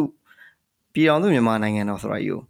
Federal အဲ Federal ပြည်ထောင်စုမြန်မာနိုင်ငံတော်ဆိုတာယူမြန်မာပါလို့အဆင်မပြေဘူးဆိုတာမျိုးတွေအစပြဿနာတွေတက်နေတာပေါ့အဲ့တော့ကျွန်တော်တို့ဒီလိုမျိုးဖြစ်နေတဲ့မညီညွတ်မှုတွေနဲ့အဲ့လိုမျိုးကွဲပြားမှုတွေပြီးတော့ပြည်သူအများစုဖြစ်နေတဲ့ဟိုနေ့စဉ်သူတို့အတွက်ပေါ့နော်နေ့စဉ်နေ့စတူကဘဝအခက်ခဲတွေနဲ့ လုံမှန်ပြီးတော့ဒီဒေါ်လာအင်းမှာလည်းတအားကိုစိတ်တကြအဲ့လိုမျိုးရုပ်ရုပ်လာတာမျိုးတွေအများကြီးရှိရပေါ့နော်အဲ့ဒီဘိုင်းတွေမှာဒါရင်းနဲ့ပတ်သက်ပြီးတော့ပြည်သူတွေကိုအကိုရဲ့အတွေ့အကြုံရောပေါ့နော်ပြည်သူတွေအနေနဲ့ရောဘလို့ပုံစံမျိုးနဲ့ဆက်ပြီးတော့ရှေ့ဆက်ဘလို့အားတင်းရမယ်လို့အကိုအကိုထင်လေအကိုတော့ရောဒီလိုမျိုးလုံးဝအခက်ခဲတွေတွေ့ကြုံတဲ့အခါမှာဘလို့ပုံစံမျိုးနဲ့ရှေ့ဆက်ခဲ့ရလဲဟုတ်ကဲ့ပြည်သူကတော့ကျွန်တော်တို့တော်လိုင်းရေးစာကြလို့ကကျွန်တော်တို့ ကျွန်တော်ကိုယ်တိုင်ကျွန်တော်အဖွဲ့လို့ပြောခဲ့တာရှိပြည်သူကတော့ပြည်သူလိုပဲတွေ့မှာပဲပြည်သူဆိုတာကဟိုတော်တော်များပြည်သူတွေသူတို့မြန်မာနိုင်ငံရဲ့အနေအထားအရ background အရတော်တော်များတော်တော်များပြည်သူတွေစိတ်ရိုးဆိုမသိနိုင်ငံရေးလည်းသူအဲ့လောက်ထိသူနိုင်ငံရေးလည်းမသိစီးပွားရေးလည်းမသိသူတို့ကဟိုခက်သူတို့ဖြတ်တန်းခဲ့ရတဲ့မြန်မာနိုင်ငံဆိုတဲ့အခြေအနေပေါ်မှာသူတို့ဘယ်ခွာလာတဲ့မြန်မာနိုင်ငံကြီးဆိုတဲ့ပုံမှာကြီးပြင်းခဲ့ရတဲ့ဖြတ်တန်းခဲ့မှုပုံမှာသူတို့သိတာကကိုလုံးမှကိုစားနေကြတဲ့ပေါ့ ဘာမှအဲ့ဒါဒါတွေဒီငါလို့ဝင်ပါလို့ရတဲ့ကိစ္စမျိုးငါလို့အညာပြီးတဲ့ကိစ္စမျိုးမဟုတ်ဘူးဆိုပြီးသူကရိုးဆွဲခဲ့အဲ့ဒါကြီးကလည်းအခုချိန်ကြီးပေါ့လေကျွန်တော်ကျွန်တော်ကျွန်တော်အဲ့တော့ပြောဘူးလေဒီသူကတော့ဒီလိုသွင်းပါလေနိုင်တဲ့ဘက်ကိုသူတို့ကတော့ဥခတ်ရတာပဲဥခတ်ရမယ်ဆိုတဲ့စကားတော့မြင်ပါဗျာနိုင်တဲ့ဘက်ကိုသူတို့ရှုံးပေးရနိုင်တဲ့ဘက်ကိုသူတို့ကတ်ကမှာဘာဖြစ်လို့လဲဆိုတော့သူတို့မှာကဒါကြီးကိုသူတို့ကိုသူတို့အောင်တော်လာနိုင်တဲ့အရာမရှိဘူးဗျအဲ့တော့သူတို့အားကိုးတာက အကဲဟိုဘာပြောမယ်ကိုယ်နေပြောမယ်ဆိုတော့ပြည်သူတော်တော်များများကတော့စားကားတော့ကြိုက်ဘူးဒီအနာသိမှုကိုကြိုက်တယ်ဘာလို့မကြိုက်လဲဆိုတော့သူတို့သိထားပြီးပြီပဲဒီရှေ့မှာလွတ်လပ်တဲ့ဒီပြောမယ်ဆိုရတာအစိုးရအုပ်ချုပ်မှုရအောင်ပါသူတို့အတွက်အခွင့်အလမ်းတွေဘယ်လိုမျိုးလွတ်လပ်တယ်ဘယ်လိုမျိုးသူတို့မှာကဘယ်လိုမျိုးအခြေခံတော့ချက်တွေဖြည့်ပြီးပြီးသွားတယ်ဆိုတော့သိတယ်ဒါတသေးသေးပဲရှိသေးတယ်အဲ့တော့ဒီလိုမျိုးစနစ်ဒီလိုမျိုးစနစ်နဲ့လာဟိုဆက်ပိုကောင်းအောင်ပြုပြင်ဆက်သွားမယ်ဆိုတော့ငါတို့ပိုကောင်းပိုကောင်းတဲ့ element solution ရနိုင်တယ်ဆိုတာဒီလိုကဒါဆိုမှ expectation မှာမနေ့ကရှိတယ်အဲ့တော့အာနာသိနေတော့ဒါတွေဆုံးရှုံးသွားပြီသူတို့ရှေ့မှာနေခဲ့ပြီးနှစ်ပေါင်းကျွန်တော်တို့60 80လောက်ကျွန်တော်တို့ဒီဆက်လာရတဲ့အောက်ကြီးပြောင်းတော့မယ်ဆိုပြီးဒီသူကလည်းတမခံနိုင်အဲ့တော့အရန်ဟိုဟိုအရန်စွန့်နိုင်တဲ့ပြည်သူတွေကတော့တစ်နက်တိုင်းဒေါ်လာချင်းတွေတခြားဒေါ်လာချင်းတွေနဲ့ပါသွားတယ်အဲ့မှာခုနကလိုပေါ့လေမလုံနိုင်ဘူးလို့ထင်တဲ့ပြည်သူတွေကတော့ကြံခဲ့တယ်အဲ့တော့အဲ့ဒီပြည်သူတွေကတော့သူတို့ကိုယ်တိုင်ကတော့သူတို့ရဲ့ဒီတရေထဲမှာတော့ဒီဆက်နာရှင်ကိုတော့မကြိုက်တဲ့အတွက် သူတို့ကတော့တော်လိုင်းသမားတွေကိုထောက်ခံနေအောင်ပါပဲထောက်ပံ့နေအောင်ပါပဲသူတို့ကတော့ဒါဟိုကျွန်တော်ကျွန်တော်သိထားတဲ့ပြည်သူဆိုတဲ့အထက်ကပေါ့လေအတော်များကထောက်ပံ့နေအောင်ပါဟုတ်သူတို့အားကိုးတာဒီဒေါ်လာရေးဖွဲ့ပြီးဟိုဘာလို့တော့မတိုက်နိုင်ဘူးမင်းတို့တိုက်ပြီးမှဘာလို့တော့နိုင်မှာမင်းတို့မင်းတို့ယူပြီးမှဘာလို့ဘာလို့လွတ်လပ်မှာဆိုတာပြီးတော့ဒီလိုပဲအတွေ့မှာဒီလိုပဲဒီလိုပဲတွေ့ရတွေ့နေရှိတယ်အဲ့တော့သူတို့ကမလုပ်နိုင်တော့ဘယ်နဲ့သူအားကိုးတယ်မြန်မာနိုင်ငံမှာတွေ့ကြတာလည်းမင်းတော့ပုံတယ်ဗျာအဲ့တော့ဒါကျွန်တော်တို့ကပြည်သူအဖြစ်တင်လို့မရဘူးဗျာဘာလို့လဲဒီတိုင်းမှာကသူတို့လုပ်နိုင်တဲ့ လုံးရဲ့ဆွားလိုက်တဲ့ကန့်သက်တွေရှိတယ်ဗျာကျွန်တော်တို့ငါတနက်ကိုင်တနက်ကင်တိုက်နိုင်လို့ငါတော်ရေးသမားတော့မဟုတ်ဘူးဗျာဟိုကိုလုံးနိုင်တာကိုမလုံးနိုင်တဲ့သူကိုအိမ်ပြန်လည်းမလို့သူ့ကိုမလုံးနိုင်တဲ့ဆိုတာပုံပြီးကျွန်တော်လည်းတင်ပေးဖို့တူတယ်ဟိုကျွန်တော်တို့နိုင်ငံမှာဘာဖြစ်လဲဆိုတော့ငါလုံးလောက်တာမှမလုံးနိုင်လို့ရှိရင်မင်းကငါလုံးတူမဟုတ်ဘူးဆိုတာဖြစ်ကုန်အဲ့ဒါဒီကိုလူကိုကိုလူကိုကိုယ်ပြန်ပြီးသူ့ခွဲထုတ်တာလို့ကျွန်တော်မြင်တယ်ဗျာအဲ့တော့မလုံးသိမလုံးသိလို့ထင်တာပေါ့လေမလုံးလည်းမလုံးဘာလို့ဒီချိန်မှာကစီးလုံးဖို့လိုတယ်စီးလုံးရမယ့်စကားတွေပြောရမယ်ဆွဲသိဟိုစီးလုံးရမယ့်စကားတွေပြောရမယ် အဓိကသူတို့ကဆွဲဆောင်နေရမယ်အင်းဟာဘယ်ဘက်ဖြစ်လို့ရလဲအခုချိန်မှာတနက်မကင်ဘူးလို့ညင်းနေတဲ့ကောင်လည်းနောက်တစ်ချိန်မှာအကြောင်းကအကြောင်းကြောင့်နှက်ခံရသူဖြစ်မလာဘူးပြောလို့မရဘူးအခုချိန်မှာတော့မထောက်ပံ့ဘူးလို့ညင်းနေသူကနောက်တစ်ချိန်မှာအကြီးကျယ်ထောက်ပံ့တဲ့သူဖြစ်လာလို့ပြောလို့မရဘူးကျွန်တော်ဆက်တန်းခဲ့တဲ့အတူတူအဲ့လိုမျိုးရှိခဲ့ပြီလားအစကတော့တော့ဒေါ်လာရေးကိုစိတ်ဝင်စားဘူးမထောက်ပံ့ဘူးမကူညီဘူးဒါပေမဲ့အခြေအနေကြောင်းလာတဲ့ခါမှာတို့နားလဲလာတယ်တို့တိလာတယ်တို့ဒီအချုပ်မှုစနစ်တစ်ခုကိုရှင်းပြလာတဲ့ခါမှာဒါလို့တော့မှားပြီဆိုတော့ဒီဘက်ကို ဘက်ကတော့တည်တည်တယ်အများကြီးဆိုဒီဘက်ကလည်းဘက်ကတော့တည်ပါတယ်အများကြီးရှိအဲ့တော့တို့ကဒီချိန်မှာကဟိုပြောမယ်လို့ညာတော်တော်များများကဆက်လာရထောက်ခံနေကြတယ်မဟုတ်ဘူးအဲ့တော့အားလုံးလည်းကိုယ်လူကြီးပဲအဲ့တော့အဓိကတော်လိုင်းသမားတွေအနေနဲ့တော်လိုင်းဖွဲ့ပြီးတဲ့အနေနဲ့လောက်ကမှာကအဲ့ပြည်သူကိုပြည်သူတို့တွေ့တဲ့ပြည်သူကျွန်တော်တို့ကစကားကတော့ပါမတော့လို့ကျွန်တော်တို့ကဆွဲဆောင်ဆွဲထားမှာပြသူတို့တွေကအမြဲတမ်းပြောမှာဝဲကတ်လုပ်နေရမှာသူတို့ကအမြဲတမ်းအဓိကကျွန်တော်ပြည်သူကတိကျလို့ပြောတယ်ပြည်သူကျွန်တော်အမြဲတမ်းဆွဲထားမှာကျွန်တော်အပြင်ကျွန်တော်အပြင်နဲ့ပြောပြတယ် ကျေးဇူးတင်ပါတယ်ကို။ဘာကြောင့်လဲဆိုတော့အရန်ရေးကြီးရလေကျွန်တော်တို့မှာအဲ့လိုမျိုးကိုမလုံနိုင်ဘူးဆိုလို့ရှိရင်တစ်ဖက်သူကိုအဲ့လိုမျိုးထင်သေးလိုက်တာမျိုးဘာညာတကယ်ဟိုကျွန်တော်တို့ပြောပါ tradition ပေါ့ဗျာရိုးရာကြီးလိုဖြစ်နေတာကျွန်တော်တို့ကအတန်းထဲမှာမျက်နာပြောင်တာလေးတွေစတာနောက်တာလေးတွေသူတစ်ပေါက်ကိုနှိပ်ကွပြီးတော့နှိမ်ချပြီးတော့စတာနောက်တာစပြီးတော့ ဟိုအခြေခံသဘောတရားစပြီးတော့အခုကြီးလာတဲ့ဒီတကယ်လုပ်ငန်းခွင်မှာရောနိုင်ငံနဲ့ပတ်သက်တဲ့အလုပ်တွေလုပ်တဲ့နေရာမှာဒါတွေကရိုးတွေဆွဲလာတာပေါ့နော်အဲ့အချိန်မှာစကားတွေကတစ်ဖက်သားကိုဘယ်လိုပြောမလဲဟိုမခံတိမခံတာဖြစ်အောင်လုပ်တဲ့ကိစ္စတွေပေါ့။ဟောဆိုတော့ကျွန်တော်အနေနဲ့ဆိုလဲဒါမြင်လာတာဘယ်လိုကိစ္စတွေမှာလဲဆိုတော့ကျွန်တော်တို့ပွဲလက်မထုတ်တဲ့ကိစ္စတွေမှာဆိုရင်ကျွန်တော်တို့တောက်လျှောက်ပံ့ပိုးကူညီပေးတဲ့ចောင်းသားတွေရှိရပေါ့နော်သူတို့ဆိုလဲ အခြေအနေအကြောင်းအရာတစ်ခုကြောင့်ပြဥပမာစင်ကာပူလိုနိုင်ငံမျိုးသွားရမယ်ဥပမာဒူဘိုင်းလိုနိုင်ငံမျိုးသွားရမယ်ပညာရှင်တွေနဲ့သွားမယ်ဆိုသူကပွဲလက်မှတ်လိုဟာမျိုးကလိုလာရောသူတို့မှာဗီဇာလျှောက်တဲ့နေထားမှာအဲ့ကြရင်သူကစစ်ကောင်စီကပေးတဲ့ပွဲလည်းယူရတယ်ဗျပြောမှဆိုရင်ပွဲလက်မှတ်ကိုတော့ယူရတယ်ဒါပေမဲ့အဲ့လိုလူတွေမှာလည်းတကယ်အကြီးကျယ်ပံ့ပိုးကူညီပေးတဲ့လူတွေလည်းရှိနေပြန်ရောဗျာလုံးဝကိုလှုပ်ချင်ဗျာသူတို့ပြောမှဆိုဟျောင်းရေးငါတော့ဒါတော့ဖြစ်ချင်တယ်မင်းကဘယ်လိုကူညီမလဲဒါကြီးခဏတော့စောင့်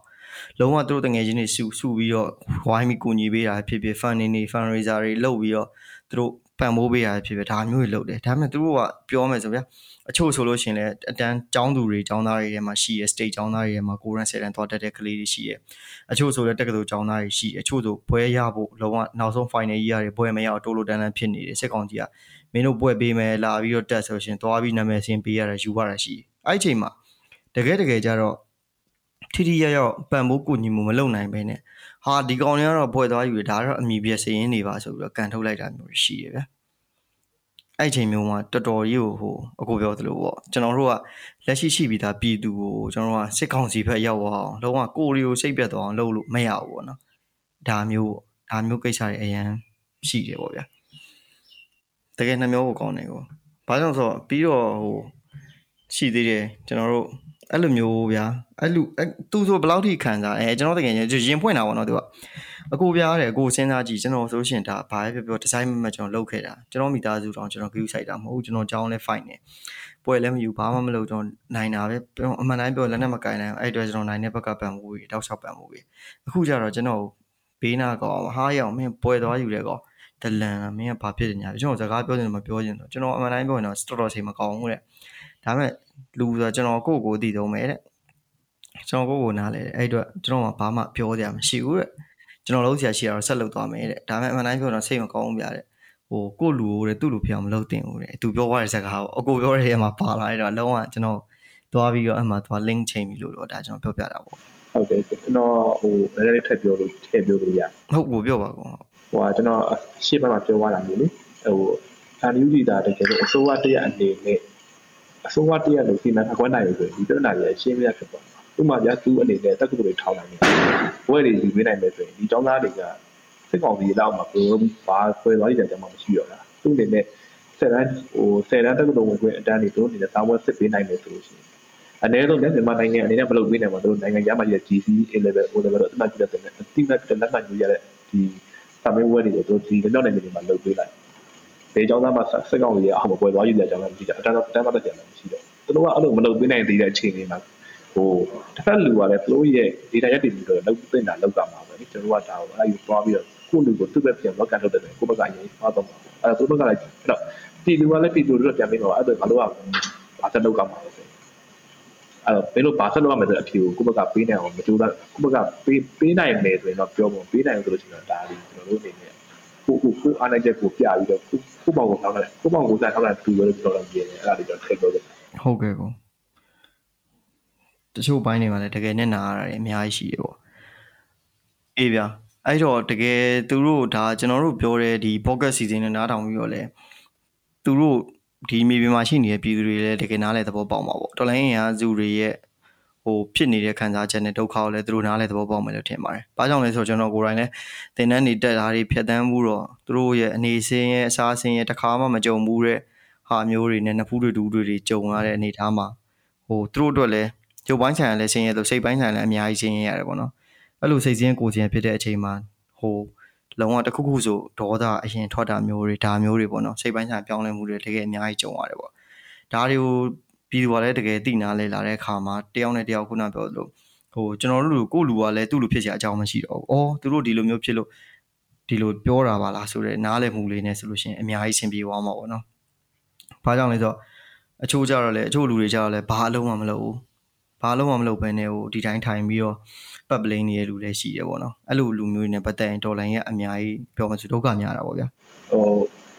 ကျွန်တော်တို့ဒေါ်လာကြီးကိုကြည့်နေဆိုတော့ နားတယ်ပေါ့လေတော်တဲ့မှာအနေနဲ့အစားဖြစ်နေဝင်လာခဲ့တဲ့ဒေါ်လာကြီးဒါစစ်တီတွေပေါ့လေရဲဘော်တွေကဟိုသူတို့မှာတော့တခုခုဆိုရင်တော့သူတို့ကဒီ public ကိုကြည့်ပြီးတော့သူတို့ကအားယူဘယ်လိုလဲမိုဒီယူရတာဟုတ်အဲ့မှာခုနလိုပေါ့လေ public ဆိုတာကခုနပြောတာပြောတဲ့ဘာမှမလုပ်ဘာမှဘာမှမကောင်းဘူးမလုပ်ထိုင်နေကောင်လည်းရှိတာပဲလေ တချို့ကကျတော့လေအဲ့လိုဘာမှမလုပ်ဘာမှမလုပ်တို့ထိုင်ပြပြီးတော့နောက်မှာဖိလုပ်ပေးနေတယ်လည်းအများကြီးရှိတယ်ကျွန်တော်ကလူတယောက်ရဲ့နောက်ခြေတော့လူတယောက်ရဲ့နောက်ကိုနောက်ကအချိန်လေးကိုကြည့်တယ်သူဘာလို့လဲဆိုတော့တက်လို့မရဘူးတော့တိုင်းမှာတော်လေးကိုဒါမျိုးရရပြောရခဲ့တဲ့အတူတချို့တွေကလုံးဝကိုကျွန်တော်သိတယ်မှရှိတယ်ပြတချို့တွေကလုံးဝကိုဖက်ကားတာနဲ့ပတ်နံတိတ်အောင်နေတယ်အဲ့လိုမျိုးရက်ွက်ထဲမှာဆိုကြတော့ဟိုကောင်တလန်ပဲဒါပေမဲ့ဒီကောင်ကလုံးဝအရေးကြီးတဲ့ဖက်ကားတာတဲ့တွေကျွန်တော်တို့ထုတ်ပေးနေတာဗျဟုတ်လူတွေကြတော့ဘယ်လိုပါပြော အဲ့လိုမျိုးတွေအများကြီးရှိခဲ့တာပေါ့လေကျွန်တော်တို့အဲ့လိုမျိုးတွေရှိခဲ့တယ်သူတို့မှာကဟဟိုသူတို့ရဲ့နေထားရတော့ဆက်တော့ကင်းလို့မရဘူးသူကရအောင်သူကကျွန်တော်တို့ခုတိုင်းလို့ပြောနောက်ပြီးကျွန်တော်ဒီဒေါ်လာရေးနဲ့မှာဒေါ်လာမှာဒုက္ခရောက်နေကျွန်တော်တို့ကဒေါ်လာမှာနေခဲ့ပြီးသိပါတယ်သူရဲဘော်ရဲဘက်တွေကိုလေအားလုံးကဟိုဗျာကိုကဒါကိုလုပ်မယ်ဆိုပြီးတော့ရှစ်ထွက်ခဲ့တာရှင်းပြလို့ကျွန်တော်ဒီလူတွေကိုကျွန်တော်တို့က hero hero တွေကိုပြောလို့ရှိရင်ရတယ်ဗျာအဲ့လိုလဲဆိုတော့ကျွန်တော်မြန်မာနိုင်ငံကို လွတ်လပ်ရေးယူတော့ဂျပန်ကိုတိုက်မယ်ဆိုတော့ဗိုလ်ချုပ်အောင်ဆန်းတောင်ရဲဘော်30ပဲရှစ်ထွက်ခဲ့တာမြန်မာပြည်တစ်ပြည်လုံးတော့ရဲဘော်3ချိန်ပဲရှိခဲ့တာ30လေ30နဲ့ကျွန်တော်ဗမာပြည်လွတ်လပ်ရေးတက်တော့ PIA ကိုသူထောင်သွားတာလေအဲ့တော့ကိုကပထမဆုံးတိုးထဲမှာသူများတဲ့ဥအောင်စောအောင်ရောက်ပြီးတဝက်ခိုင်နေရလို့ဖြစ်တယ်မချက်ပါဘူးရဲဘော်တို့နေတဲ့ပါလို့ပဲသဘောထားကြတယ်ကျွန်တော်လည်းအဲ့လိုပဲကျွန်တော်လည်းကိုကိုပဲအဲ့လိုအားမွေးခဲ့တာဟုတ်တော့ကိုဘာလို့နိုင်လဲဆိုတော့ကိုသိလို့ကိုလုံးနိုင်တဲ့တာဝန်ကိုလာယူပါလေတက်မှာအဲ့ဒါကိုဘယ်လိုနိုင်လဲဆိုတော့ကြည့်ပြီးတော့ကိုတက်ကြကြမလို့လို့ကျွန်တော်အကြံပေးခဲ့ပါတယ် ဟုတ်ကဲ့ခင်ဗျာကိုကျေးဇူးတင်ပါတယ်အဲ့တော့ကျွန်တော်တို့ဒါဘာပဲပြောပြော